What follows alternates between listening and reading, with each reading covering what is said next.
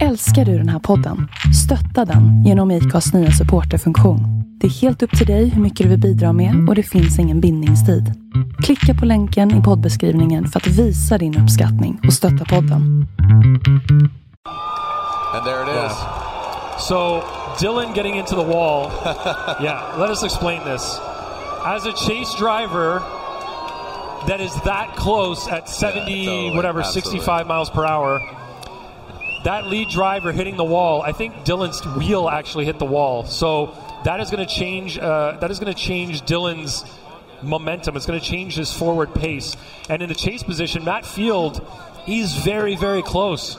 There is nowhere for Matt Field to go in that position, in that situation. And of course, he's going to make contact with Dylan, and that's what caused Matt Field to spin. So What you just said is one of the most insanely idiotic things I have ever heard. At no point in your rambling, incoherent response were you even close to anything that could be considered a rational thought. Everyone in this room is now dumber for having listened to it. I award you no points, and may God have mercy on your soul. What is the source?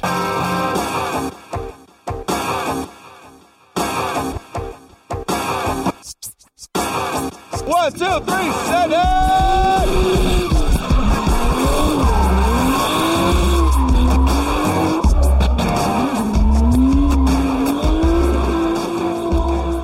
Hej och välkomna till ett nytt avsnitt av Driftpodden med mig, Henrik Andersson. Christer Hägglund. Och Robban Strandberg. Ja, fint Och alla, alla, ja, alla måste peka. Det är jag, det är jag. Det, det är så fränt att se. Henkan pekar alltid på sig själv. Han är så osäker på om det är han som är han eller inte. Man vet ju aldrig, kan ju vara någonting ja, ja, det, det vet man ju.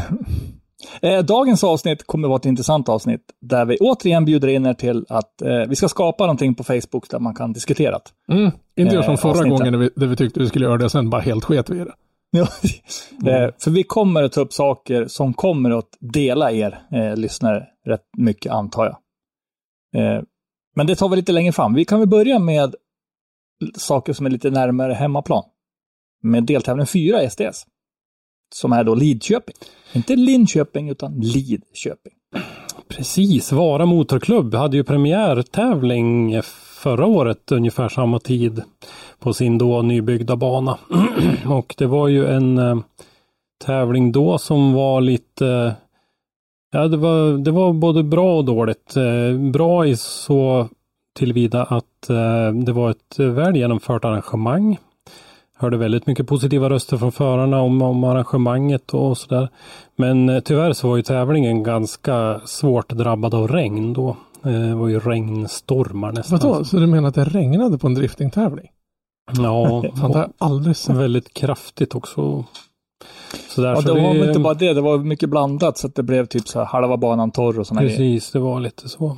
så att eh, vi får väl hoppas att eh, de har lite bättre tur med vädret den här gången.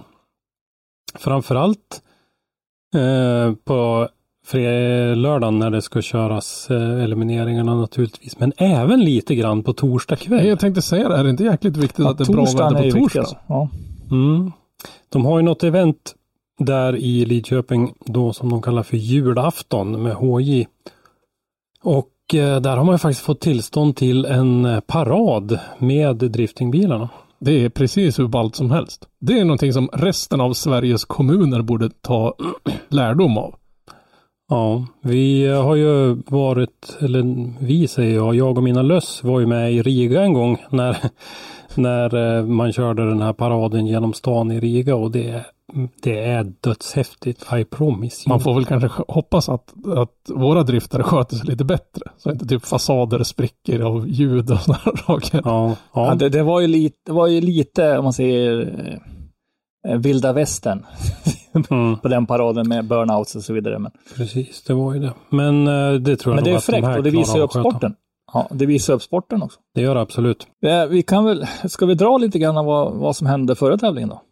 Det kan vi göra. Jag ska förklara min lite halvrossliga hals också. Att jag har ju hunnit med en covid-vända sedan förra avsnittet spelades in. Så att eh, vi, eh, det är det som inte har lämnat min späda lekamen riktigt än. Ja, det är lite så här Lemmy-varning på dig. Mm, ja, jo, lite så. Det ska, nya introt, eller outrot kommer vara Christer sjunger Ace of Spades. Jag, jag tänkte fråga så här, har du hittat en ny whiskysort? Ja, eller? jag tänkte säga det. Jag tänkte just slänga mig i bilen så här och åka bort.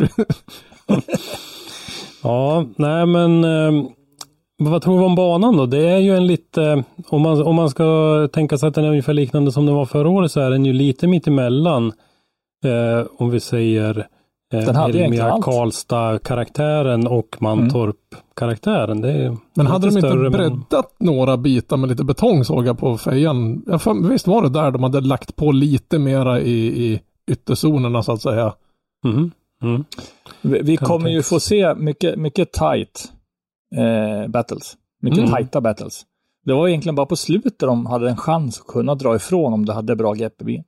Men det, det, Mm. verk, det verkar vara ganska tekniskt. Det verkar inte vara någon sån här superspeed eh, highway utan det verkar ju vara lite mera ratta som gäller. Mm. Mm. Och det här är ju deltävling fyra då, eh, av fem för SM och final för RM.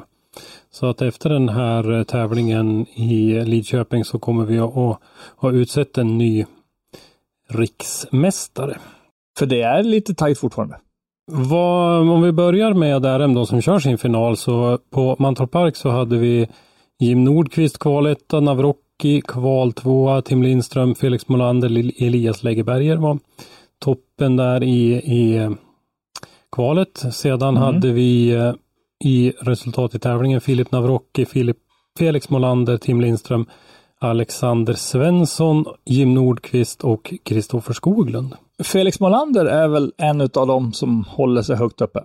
Navrocki vet jag inte. faktiskt. Han eh, gjorde ju ett rejält ryck eh, den här gången eftersom att han tog många poäng nu när han vann men eh, hade ju haft en ganska knackig inledning innan dess. Så att han ligger väl inte jättebra till ändå. Nej, men det är Felix, det är Jim och sen så är det, vad heter han då? Elias Läggeberger är Ja, trea precis. som läget är nu då. Eh, Andreas Johansson, fyra Tim Lindström, Johannes Rydberg, Christian Gustafsson och sen har vi Navrocki på åttonde plats då. Men då innebär det att, vad, vad har, för det var inte mycket mellan topp tre va? Eh, nej, 293 Jag poäng för Felix Molander. Vi har 268 på Jim Nordqvist på andra och, och 266 på Elias Läggeberg. Eh, även Andreas Johansson 249, Tim Lindström 235 och Johannes Rydberg 232 är ju bra med. Så att det där kan nog bli en eh, spännande eh, tillställning och reda ut och, och utse en mästare i det där. Ja, jag menar, alltså. Får till exempel då Felix som leder just nu, får han problem med bilen, så, ja då kan det vara kört. Men det är väl lite det som gör det, det hela spännande när det är så här tajt ändå. Att det gäller att sitta. Det ska ju vara så, Det, ja. ja. det måste ju sitta för allihopa för att det här ska liksom gå i hamn. Mm. Ja, men det är ingen som kan komma dit och liksom slappna av och säga att Nej, men det räcker med att jag kvalar in så är det kört. Ja, nej, det ska som sagt var bli väldigt intressant att se. Eh, vi kommer ju ha folk på plats. Mm. Mm. Bröderna Eh. Bäver ska åka ner. Ja. Mm. Så vi Eller kommer ju få... Ja. Ja, jag visste. Upp, Upp, upp. åker de, sorry. Men om vi tar prov då. Ja, SM-klassen då, så om vi drar oss lite till minnes vad vi pratade om förra gången så var det ju David Skogsby som var kvaletta. Där kommer vi ihåg att han tog av Mikael Johansson, hans streak i kvaletta placeringar där. Eh, Alfred Grindberg kval tvåa. Eh, Tony Averstedt, Mikael Johansson och Jim Olofsson var i topp fem där då. Eh, sen så ryckte ju Micke Johansson ändå åt sig eh, första platsen när det väl kom till battles i regn, eh, ja, i regnet och efter regnet som kom då på Mantorp Mm. Eh, Mattias Johansson, fjolårsmästaren, tvåa. Kevin Brunberg trea. Filip Ågren, David Skogsby och eh, Alfred Grindberg var topp sex i, i eh, Pro där då. Och eh, det är ju riktigt, riktigt tajt även i toppen i Pro. Där eh, vi hade Mikael Johansson i topp redan innan förra tävlingen och han gick ju från lite grann till där då. Eh, 317 poäng och han. Eh, Mattias Johansson ryckte förbi David Skogsby så gick upp till andra plats med 287. Det skiljer alltså 30 poäng då mellan första och andra. Och David Skogsby är då bara två poäng efter Mattias på tredje plats. Det ska mycket till om inte Johansson lyckas placera sig ganska bra. Och ändå ta hem det. Va? Ja, men det behövs ju bara en skitgrej, att man får strul med bilen så att man får en kacket kvar Ja, och ja, saker. ja. Ehm, och sen då så har vi Andreas Lilja 245, inte avhängd på något vis. Ehm, Grinberg 222, Frejd 218 och Ågren 208. Jag tycker ju alla de här som har över 200 poäng, de har ju alla möjligheter under de här två deltävlingarna som är kvar. Och Precis, det, alltså det är två. Och det är det, och då ska vi tänka då på att vi har då en tight teknisk bana nu. mm, Finalen kommer ju vara ännu tajtare, ännu tekniskare. mm, Och framförallt mer betong. mm. Och, och, Ja, sä- alltså, och är säkert bäckmörker. De kommer ju lätt, Ja, alltså jag, jag, jag misstänker att de lär köra den här tävlingen ganska sent på kvällen. Eh, Och för er då som inte följer eller som har kalendern uppe i huvudet så är alltså finalen i Östersund. Precis. Eh, ihop med vet du, gymkana stilaktig. Blir det show utav gymkana eller blir det en tävling i tävlingen? Det? Jag vet inte om de kommer att köra, kommer de att köra någon regelrätt gymkana där uppe överhuvudtaget? Jag Nej. tror inte det, utan de har bara tagit namnet. Nej, det och- blir, ja, det blir SM-final bara. Ja, ja men precis. För du kan inte ha Men en... sen kommer man ju att försöka, som du säger, att eh, efterlikna showen ja. lite grann och allt det här runt omkring. Men själva tävlingsmomentet kommer inte att innehålla någon gymkhana-del. va? Inte som jag har hört talas om Nej. och fått reda på i alla fall. Jag håller på att kolla min kaffesump här och jag ser att det ser ut som ett hopp och en snöskoter. Så jag misstänker att det kommer att vara någonting sånt där också. Ja, det är uppe i Östersund så det är ju inte Ja. det är liksom Ja, det, de domänerna. det är inte brist på snöskotrar där man ska säga. Och det är inte brist på folk som kan hoppa med dem heller. Det är det jag tycker är liksom lite roligt. Komma till Jämtland och så ha uppvisning med, med hoppa snöskoter. I och för sig det är spektakulärt att titta på men typ 50% av dem på, på läktaren pysslar med det där på fritiden. Där borta på exakt. vintern liksom. Men eh, vi, vi tar väl och reda ut Lidköping först då och eh, det, kommer, det är ju fredag, lördag nu då. Yes. Och eh, det kommer som sagt att bli jätteintressant därför att alla vill ju skaffa sig ett så bra utgångsläge som möjligt av de här provförarna inför finalen uppe i Östersund naturligtvis. Så att ett, ett litet misstag i Östersund kanske kan rymmas. ja, om precis. man ändå har möjlighet att nå långt så att säga. Så att För, för tittar vi så bjuder ju, alltså Lidköping har ju lite mer utrymme. Så Mm. du kan ju svaja lite grann medan Östersund har nog inte så mycket. Nej. Nej, vi har ju inte hört eller sett någon, eh, någon banlayout eller så, men det är ju ett ganska begränsat område där inne på eh, den här skidstadion där de ska köra, där man kör eh, både skidor och skidskytte och lite allt möjligt där väl man har kolla på. Om, om vi tar en liten killgissning då. Va, vad har ni i toppen? Jag, jag eh, om vi börjar, om jag ska börja med RM så tänker jag faktiskt satsa på att två stycken av dem som jag tyckte såg stark ut, starka ut i eh, eh, på Mantorp-tävlingen. Jag tror faktiskt att Alexander Svensson kommer att fortsätta att visa framfötterna och jag tror faktiskt att även Jim Nordqvist kommer att fortsätta göra det. Så att de två tror jag kommer att gå långt, och det tror jag de hade gjort båda två om inte eh, Alexander hade slagit ut Jim redan i topp 8. Så att eh, det, det tror jag när det gäller eh, RM. När det gäller SM så är det lite svårare men jag, om Filip Ågren hinner få hem sin nya kardan, vilket jag hoppas att han kommer att hinna. Men hade han inte? Hade han det? Jag, jag är osäker. Den, den hade inte kommit hem såg jag. Ah, okej, okej. dag. Nej, jag- okej, då, var det någon, då blandade jag ihop det. Då var det någon annan som också har fixat ny kardan. För jag såg någon hade postat en bild på the, the interwebs på en kardan som Mm. såg jävligt god ut. Så jag tror att Ågren kommer att vara med där uppe. Jag tror att Mikael Johansson kommer att vara det. Eh, och jag tror att eh, Kevin fick smak på det här med Mm. lite framgångar igen. Så att eh, ja, där kanske vi har en pall. Filip Ågren, Mikael Johansson, Kevin Bruberg. Jag, jag tror Mm. faktiskt också Mm. på, på Brunberg. Men jag tror på, på vad ska man säga, grabbarna Johansson och Brunberg. Ja, eh, jag tror faktiskt att Mattias Johansson får fart på grejerna ihop med Brunberg och Eh, Jag är lite, Lilja har varit lite, lite tyst. Mm, ja. Det var lite för lite pang-pang. Ja, jag Ja. tänkte säga. Nej, men alltså, för, för menar, men han är också, han kan ju inte räkna ut. Han, han är ju duktig. vad som inte. Det är, väl- det är väl egentligen ingen man kan räkna ut. Vad ska man säga? Topp top 10 i SM-resultatet än så länge är ju definitivt ingenting att räkna ut. Nej. Fan, det- Och sen så som vi tar till exempel Filip Ågrens då, Kardan, alltså det är ju inte någonting att åka och skruva ner på skroten. Eh, Det är ju special Ja. deluxe på alltihopa. Mm. Han får väl åka till den lokala Caterpillar-försäljaren och hitta, hitta en kardan där till det jävla vridmomentet. Den var väl eh, specialgjord av Sällholm om jag inte kommer ihåg fel. Men eh, är ni i närheten av eh, Västgöta slätta så ta er till Lidköping och eh, titta på den här tävlingen.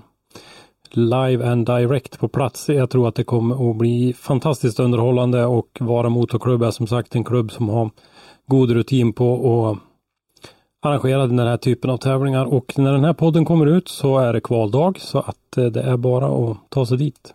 Driftingen ska upplevas live. Så Ja. det är det bästa. Vi har, alltså, vi, har, vi har suttit hemma och tittat på drifting alldeles för många gånger i år. Det är lite deprimerande.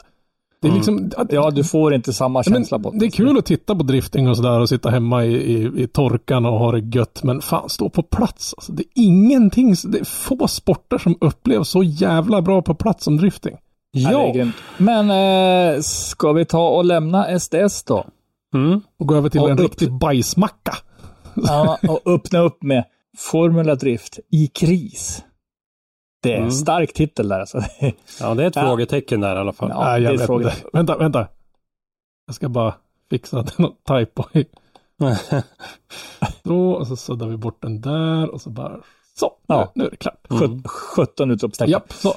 I alla fall, ett ämne som inte bara har dykt upp nu, utan det är i princip efter varje deltävling. Så är det enorma diskussioner om domsluten. Mm.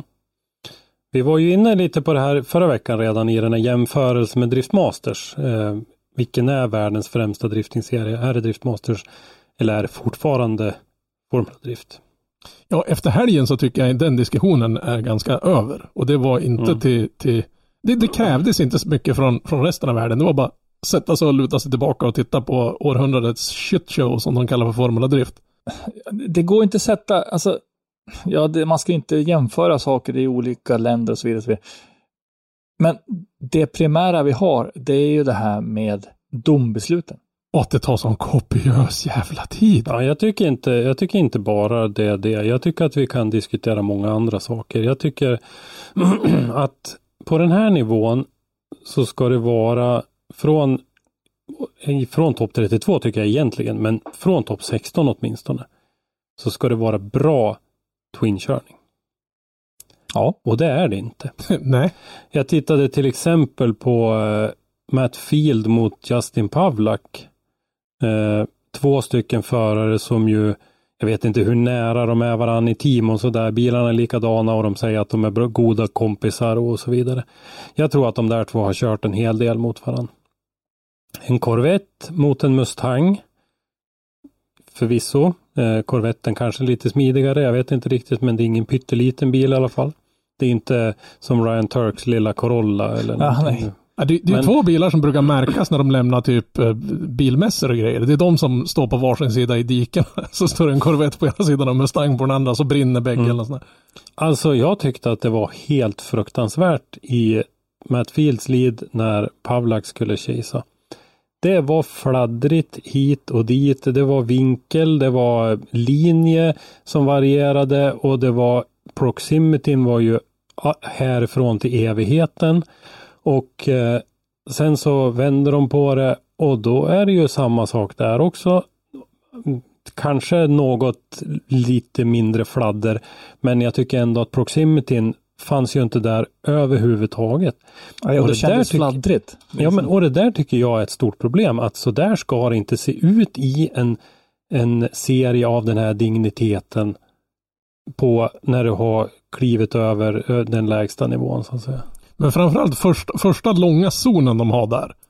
Jag satt och kikade på väldigt mycket repriser i Ilska nu och den verkar ju vara längst upp där de vill ju att de ska ligga så högt som möjligt och nästan, nästan röra muren. För tydligen så får man inte toucha muren för då är man ajabaja. Eh, Men det kommer vi till sen. Men den verkar ju vara som en jävla puckelpist längst upp den där banken. För där kör de ju inte när de kör Nascar och jag vet inte, de kör knappast Indy på den där. Men, men när de kör där så längst upp, vad ska man säga, sista 20-30 centimeter mot muren verkar ju vara en puckelpist. Och det ser man ju. Kollar man på alla bilar som har kort hjulbas eller lite överhäng. Så man ser när de ligger uppe vid muren att det, det ser ut som de får åka över trottoarkanten nästan.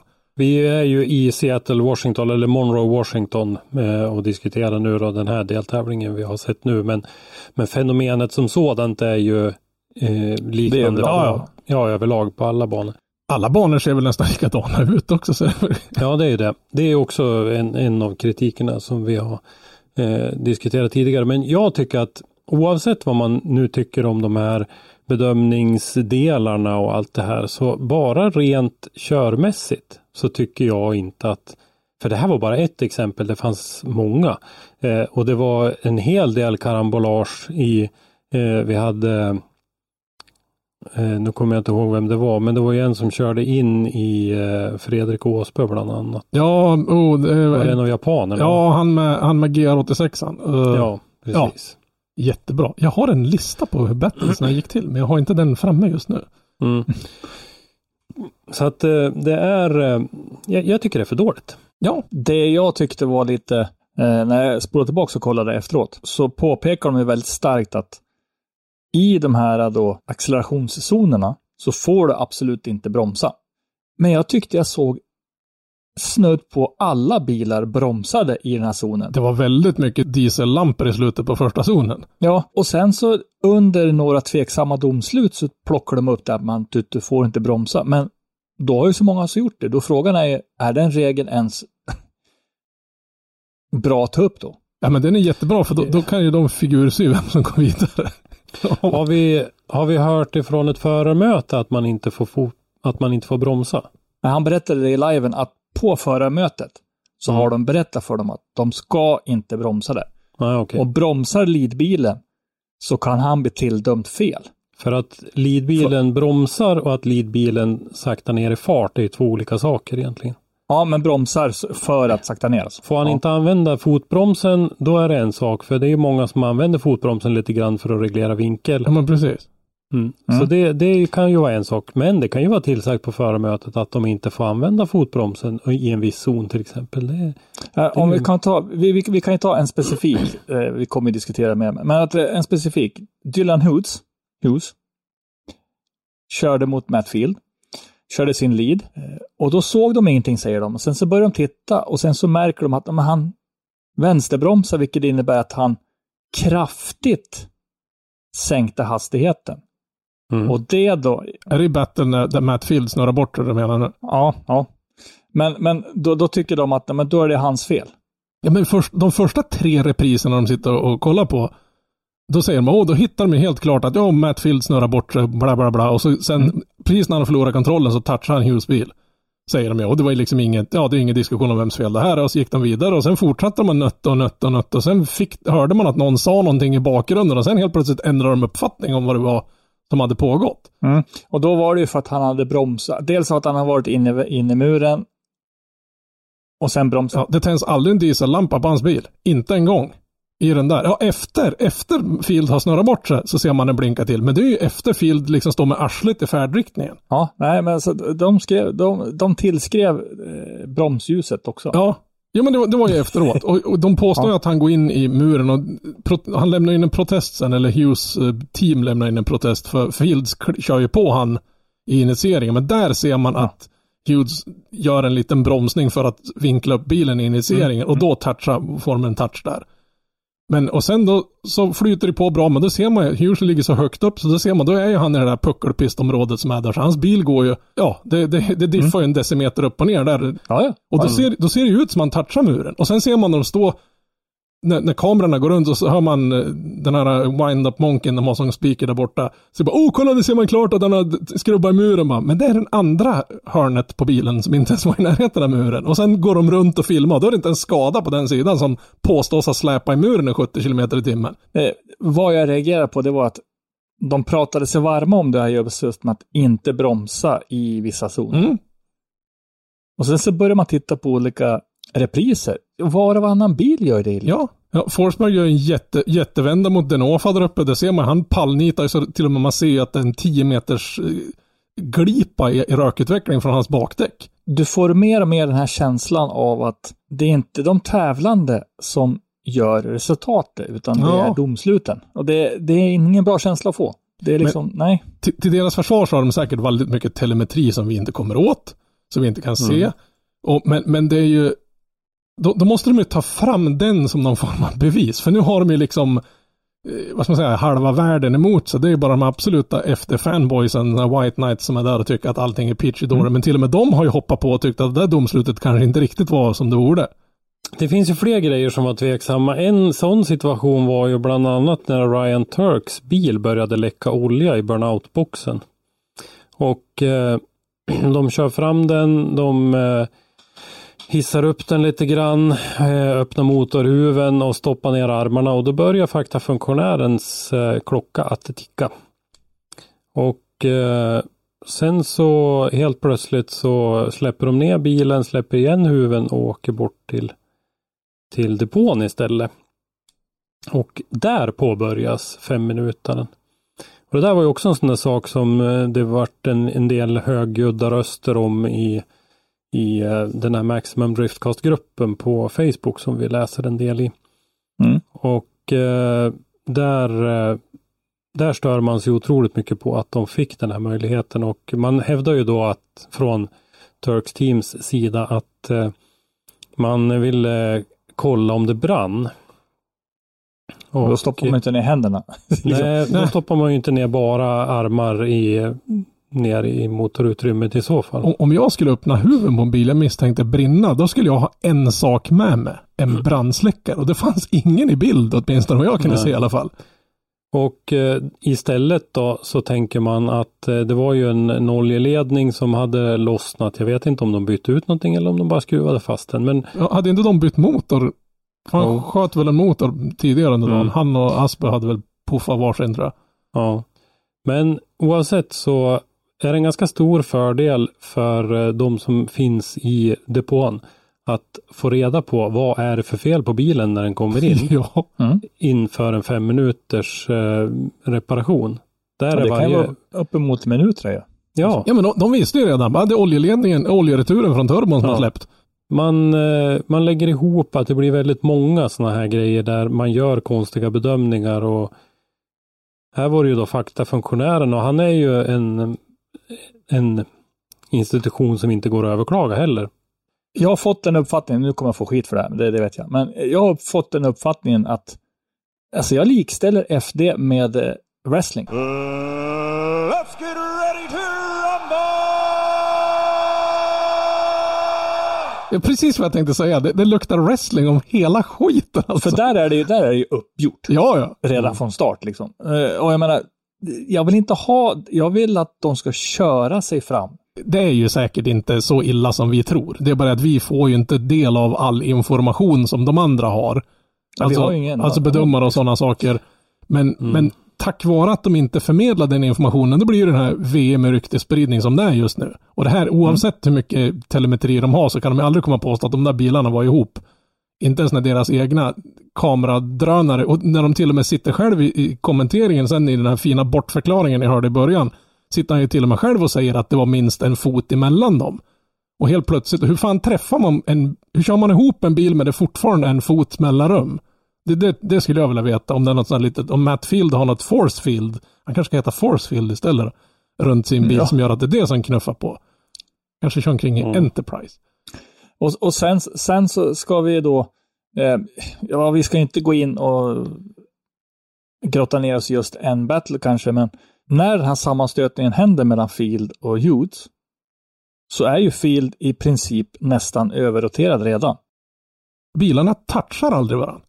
Inte en gång. Ja, i början så touchar de vid initieringen. Sen vid den här överrotationen, de rör aldrig varandra. Det är fan med en Nej. 30 centimeters lucka emellan dem. Båda två dunkar in i muren. Men när man ser Hughes bil redan har, är på väg ut ifrån muren, då ser man ju att, att Fields bakhjul nästan är intryckta. För han har ju en sån här kevlar-arsle på sin bil som alla andra har. Så hans bil har ju svampat ihop säkert 20 centimeter långt, långt innan. Han hade ju inte kontroll på bilen Nej, nej, när han väl var i den situationen. Ja, nej, nej.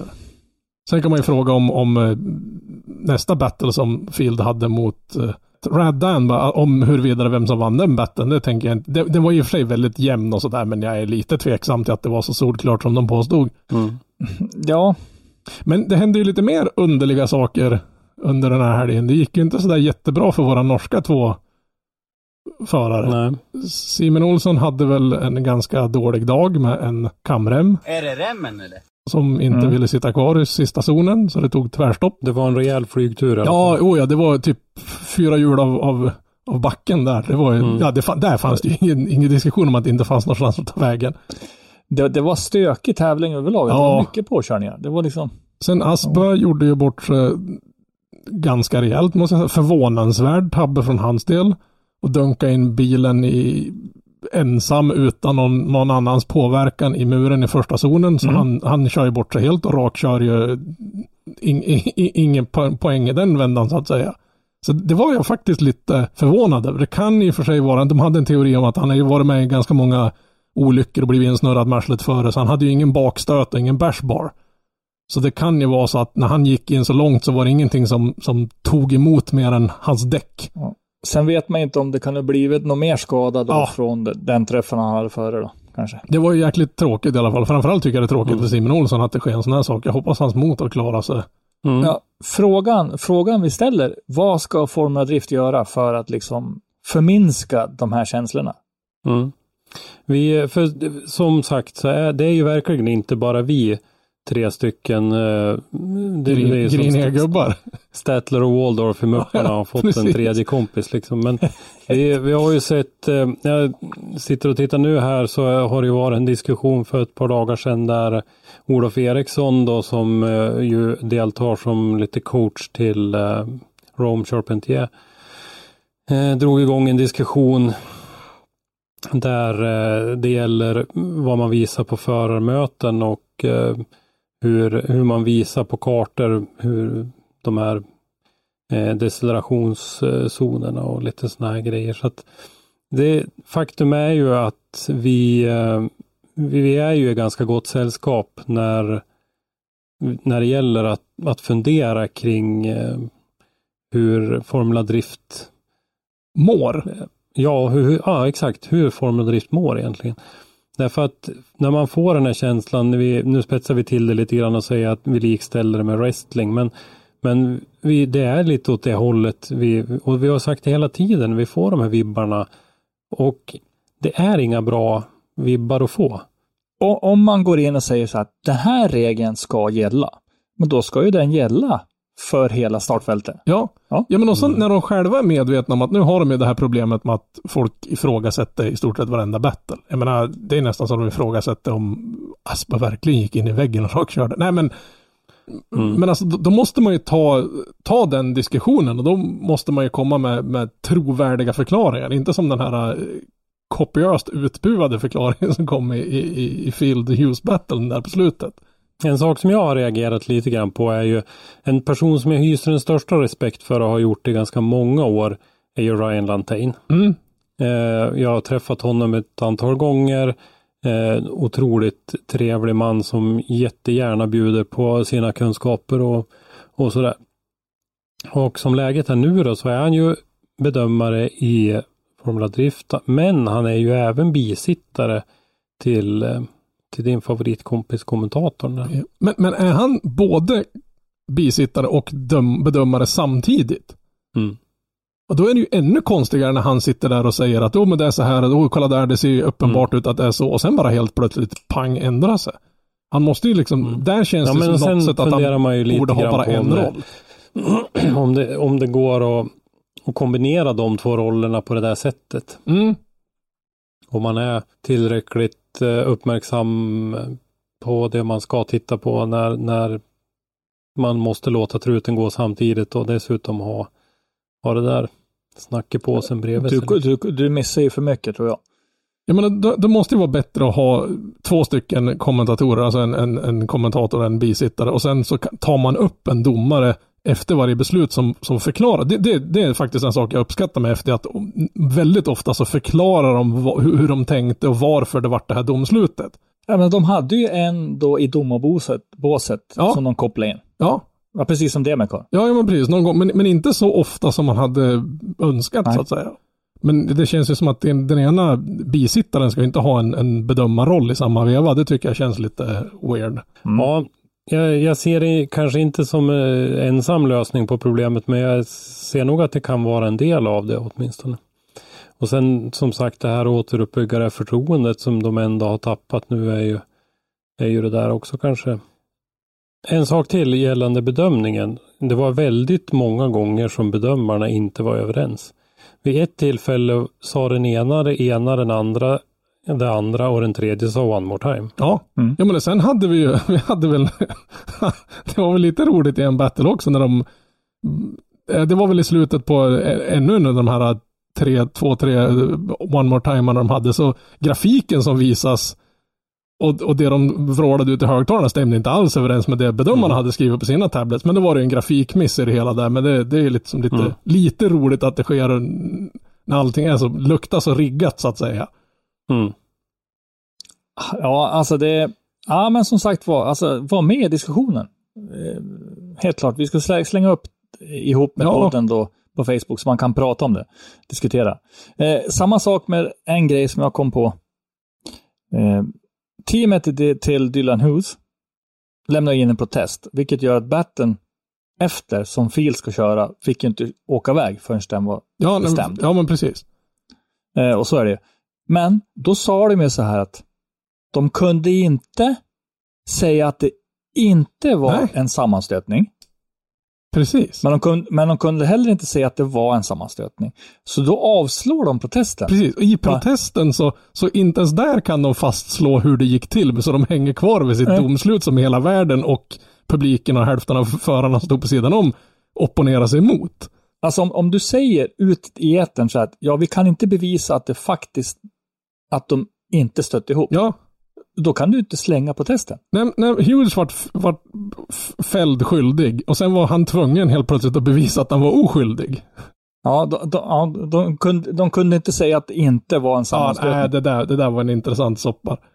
Ja, och protesten stod ju som så att den sammanstötningen gjorde ju att Dylan fick en fel bana och hamnade Mm. långt ute.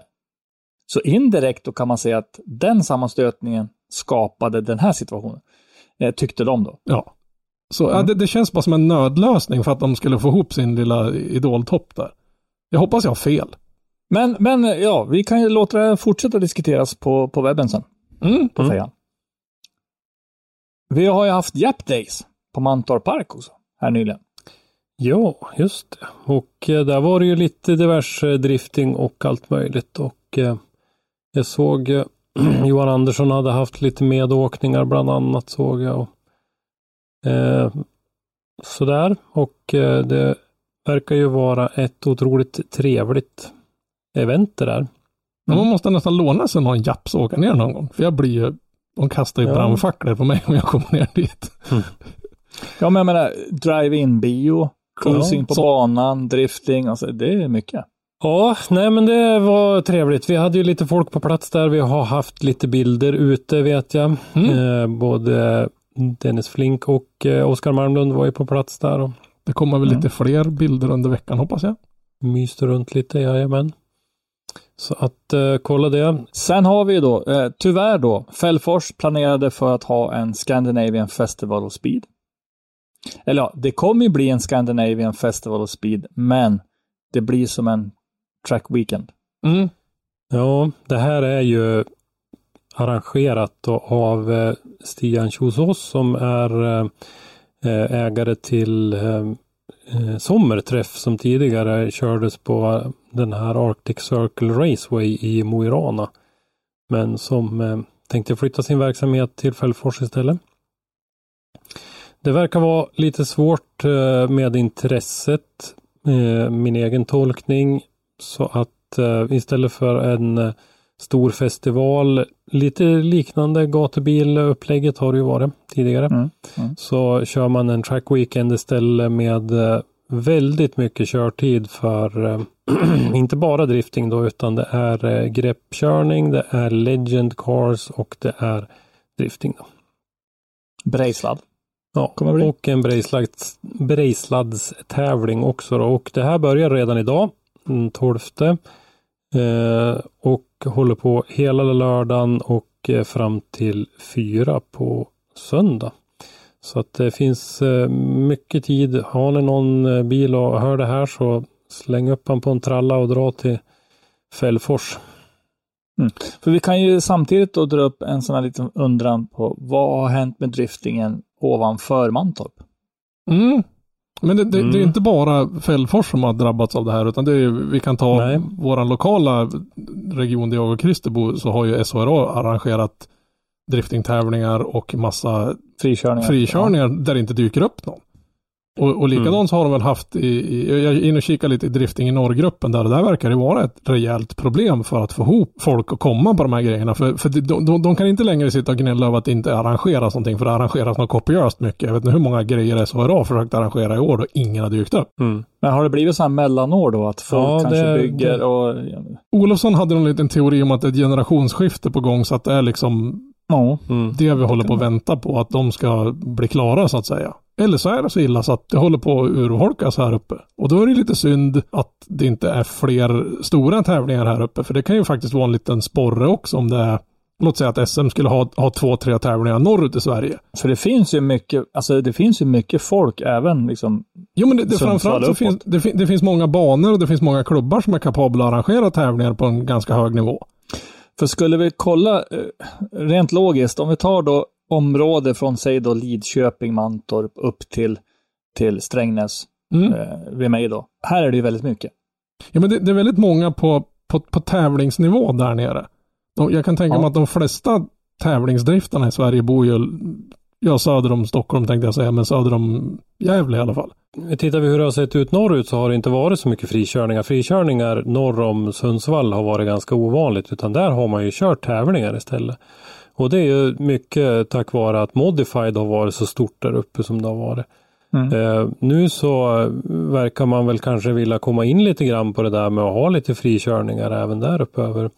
Sen så eh, i den här eh, tråden vi refererar till nu då i Drifting i norrgruppen så så eh, ställer Mattias Jönsson då en fråga om eh, det skulle vara mer attraktivt att tävla om upplägget var annorlunda. Mm. Och det med mycket mera körtid än bara kval och utslag i en stege. Och där eh, är ju han ute efter lite grann sin tävlingsvariant som han körde en gång på GTR Motorpark. Där man tävlar i grupper och sen så går man vidare till en, ett slags slutspel då liksom där alla är garanterade fem battles eh, och sådär. Och det där, det, jag, jag tror både ja och nej på det. Eh, Den tävlingen som han arrangerade då var en stor succé. Men jag hävdar fortfarande att en del av den succén var att det var väldigt blött. Eh, Därför att folk hade inte haft råd, de hade inte haft däck till att köra hela den där dagen som Nej. de gjorde då. Om det hade varit torrt och gott däck som det brukar göra. Men man kanske skulle arrangera en sån tävling lite senare på hösten en bit norrut. För då är det ju större odds på att det är lite halvkallt, lite småfuktigt och eventuellt regn. Kanske kan vara en variant. Sen Ja. vet jag inte riktigt. Är det, är det verkligen tävlingsupplägget det sitter i? Eh, vi, vi vet, som vi har nämnt nu då, i och med att vi har lite insyn i, i just ESVR och Sundsvall då, så har man ju provat med både tävlingar och frikörningar och intresset är alltså, intresset är inte lågt. Intresset är lika med noll. Ja, för menar, Ja. årets cash grab hade väl till och med tänkt att ha en modified klass i. Så Mm. för att liksom kunna locka dit fler. Sen, sen Mm. kan det ju vara lite att det var lite ett konstigt datum och det var kanske inte många av SM-förarna som vågar gambla och riskera sina bilar. Men samtidigt Mm. är det många av dem som kör andra uppvisningar och gatubil och allt möjligt. Japdays och sådana saker. Men, så, så det kanske inte är en ursäkt. Men eh, ja, jag vet inte vad det hänger på. Det är lite surt. För ena stunden, ena året hör man att det gnälls för att det arrangeras ingenting norrut och när det väl arrangeras så dyker ingen upp. Så det är lite Mm. udda. Jag vet inte riktigt hur, Mm. de, hur de vill ha det. Riktigt. Nej. Ja, men jag, jag, tror, jag tror det mycket väl kan vara så att det är, liksom, det är mellanår på något sätt. Mm. Det, det skiftar. Nej, vi får se. Vi har ju sett eh, SVR Motorsport och Peter Elvis Sandström. Han har ju, håller ju igång sin eh, verksamhet på Mal. Malmby. Malmö Mm. för det mesta, ja. Nu är det ju dags för eh, Lunda en gång också. Mm. Och eh, Och då är det tävlingsform han kör ja. Sin. Precis. Och eh, han, Elvis har fått sin verksamhet att fungera och snurra och han har ett antal förare som kommer tillbaka till hans event hela tiden. Ja, men alltså han har ett koncept som funkar, det bevisligen. Mm. Eh, För det brukar vara välbesökt Mm. när han kör sina grejer. Sen står han utanför SBF Mm. eh, med de fördelar och de utmaningar det innebär. Eh, och Mm. eh, där vet jag ju att det finns en del andra som, som är intresserade av att, att ta andra grejer också vidare utifrån SPF till till exempel Nitros då, som är en försäkringsgivare som man kan Ja, den, den största delen är väl just försäkringen. Ja, men förut Mm. var det så att hade du en SPF-licens fick du inte åka på en annan typ av tävling för då riskerar du att bli av med din licens. Men det har ju kommit ett, ett periodikat som säger att så får inte SPF agera. Utan de får Nej. inte hålla på och hota med det utan nu får du åka med, även om du har en SPF-licens får du åka vad sjutton du vill så länge du inte får köra någon illegal street racing eller någonting sånt här, för då, då ska du ner ryka oavsett. Jag tror att en del, en del i Svenska Bilsportförbundet är, är fostrade lite i en, en sovjetisk anda som inte riktigt Ja, eh, Nej, den har inget har åldrats med värdighet om man säger så. Nej, de har lite hybris när det gäller vad de tror att de är ett, ett juridiskt organ. Om ja, vi vi kan så. ju återkomma till det här med att de delar ut böter hit och dit Ja, till exempel. vilket är intressant. För jag skulle bara, jaha, Ja. vad roligt. Här kan jag lägga Mm. den bland de andra eh, sakerna. som jag inte heller Ja. bryr mig. Det är ju polisen, rättsväsendet, eh, eh, tullen och eh, kustbevakningen va, som, som har rätt att dela Precis. ut böter. I övrigt så säger man parkeringsböter så menar man egentligen inte det utan det heter ju fel parkeringsavgift Ja. egentligen. Och det, det där kan ju låta som en, en skitsak av en liten petimeter som jag som sitter men man kan inte, du kan inte bötfälla. Då är det ju på samma nivå som de här nätverkskriminella killarna i storstäderna som helt plötsligt bara går runt och bötfäller folk för att de har tittat åt fel håll. Ja, eller- men eller så här blufffakturebolag liksom. Ja, men Ja, alltså det, mm. det, är, det är, du, du får ju inte påstå att du, du har befogenheter att göra det. Nej. Då får man ju helt enkelt döpa om den till en straffavgift eller någonting sån här regelbrottsavgift eller vad sjutton som helst. Men Ja, det, får, inte- det, det är ju inte en böter i, alltså i, Nej. i domstolens. det är bara att slänga den. Ja, som sagt så eh, det finns utmaningar och fördelar med att stå utanför det där. Eh, I eh, driftsprinten på Lunda är det prispengar om det blir 15 förare per klass. Eh, Provvinnare 5000, runner-up 2000 och så finns det en light-klass också 5000 och 2000. Så att vi, vi får nog följa och se lite grann vad som händer på andra ställen och vad som kan fortsätta och, och utvecklas här uppe i, i norr. Men eh, det är en, en synnerligen oroväckande utveckling som det har varit hittills, tycker jag. Mm. Ja, det har liksom Ja, det knoppat av ganska rejält de senaste, vad ska man säga, en och en halv säsongen. Den här säsongen har ju varit katastrofal här uppe. Mm. Och backar vi tillbaka ett tag så, alltså det var ju inte några folk som höll på. Nej, det var ju hur mycket folk som helst. Jag menar, gå och titta Ja. på en onsdagsbus, då var man ju liksom trött på, alltså jag trodde aldrig jag skulle ledsna på att få se driftbilar, men där var det fan snudd på. Ja. Eh, eh, I alla fall, eh, eh, gå gärna med i diskussionen. Det tycker vi är jättekul. Mm, det blir väl två diskussioner. Hur uppfuckade FD och hur fan löser vi det här med driftingen? Ja, Har jag de- trodde du menade Ja. hur uppfuckade vi? Ja, ja det, det, det alltså behövs det ens diskuteras? Ja, jag trodde det, var är- klart sedan Det är länge. inte liksom Ja, men det var väl... eh, fixbart. I alla fall, James Dean meddelar att han kommer delta i Drift Week. Ja, Men Mm. Han kommer delta i Drift Week med en Nissan 350Z. så det Ja. kommer att gå fett åt helvete för James Dean. Min favoritbil. Och det ska bli intressant att se då. Är det bilen svårkörd eller? Nu, nu, nu är det ju verkligen belägg. Han hörde ju det. Han ringde ju till, till mig på någon kväll och sa bara den här din co-host där borta, den där jäveln covid-killen där. Nu jävlar ska han få sina fiskar varma tyckte han. Det är rätt. Alltså det är två veckor fulla med, med drifting, street driving race cars, tandemkörning, partande med de coolaste drive-förarna från hela världen, säger han. Mm. Mm. Eh, v- v- vad kan bli bättre? ECU Master i USA bygger eh, den här 350Z då med en LS3 så att han kan köra så hårt som han vill. Det lär väl komma en hel del material därifrån misstänker jag. Mm, jag det, hoppas ska, det där ska jag följa och se lite grann och försöka hänga med. Det ska Och det är i november ska jag väl säga också. Ja. Ja, det är det. Och eh, det tycker jag är kul också att Dean vill inte släppa USA helt och hållet så att han vill hålla sitt namn igång där borta. Ja, de kanske lyckas rädda efter så det är någon vits att åka dit och tävla. Ja, vad vet man? Hans eh, liksom karriärs eh, stege eller vad, man hade, vad han hade tänkt sig tog väl också en, en vändning då när i och med att RDS blev som det blev och det finns väl ingen förändring inom sikte där liksom. Nej, och även om det skulle bli fred så att säga så kommer det säkert att ta ett tag innan folk vill åka till Ryssland. Mm. Jo då. Det är inte så att jag sitter och kollar några charterresor till Gdansk. Om man säger. Nu tar vi geografipodden. Ja, jag vet att Gdansk det ligger ju i Polen. I. Polen, så jag insåg just det. Men det är jag tänker i alla fall inte åka Georgien. dit. Va? Tbilisi i Ja.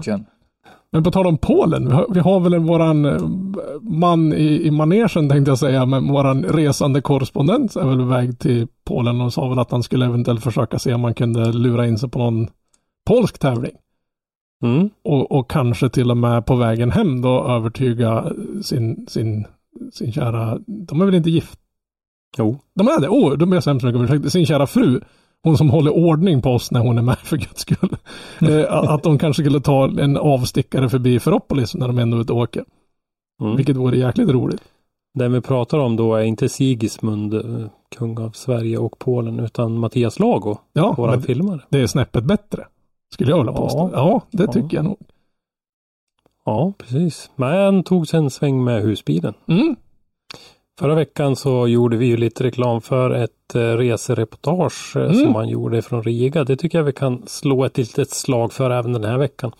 Att ni kan gå in på motorsportmagasinet.se och läsa Mattias tips för att åka till Riga på drifting. Och det finns nog kanske möjlighet att göra det redan i år för att eh, de brukar ju ha några fler lite större tävlingar i Baltiska mästerskapet bland annat. Oh ja. Mm. Mm. Ja, det ska bli intressant att se. Men, hörni, Kan vi det här nu? har vi något mer? Nej. Nej. Nej, jag tror inte det. Fuck it. Jo, vi har ju en, en, en viktigaste saken. Följ oss för guds skull. Glöm inte att följa oss på Facebook och Instagram. Ni hittar oss under Motorsportmagasinet på bägge ställena. Dagliga nyheter från motorsportvärlden hittar ni som vanligt på motorsportmagasinet.se. Där ni även kan handla t-shirts och annat skoj. Så var med och följ, var med och följ diskussionen. Skriv vad ni tycker.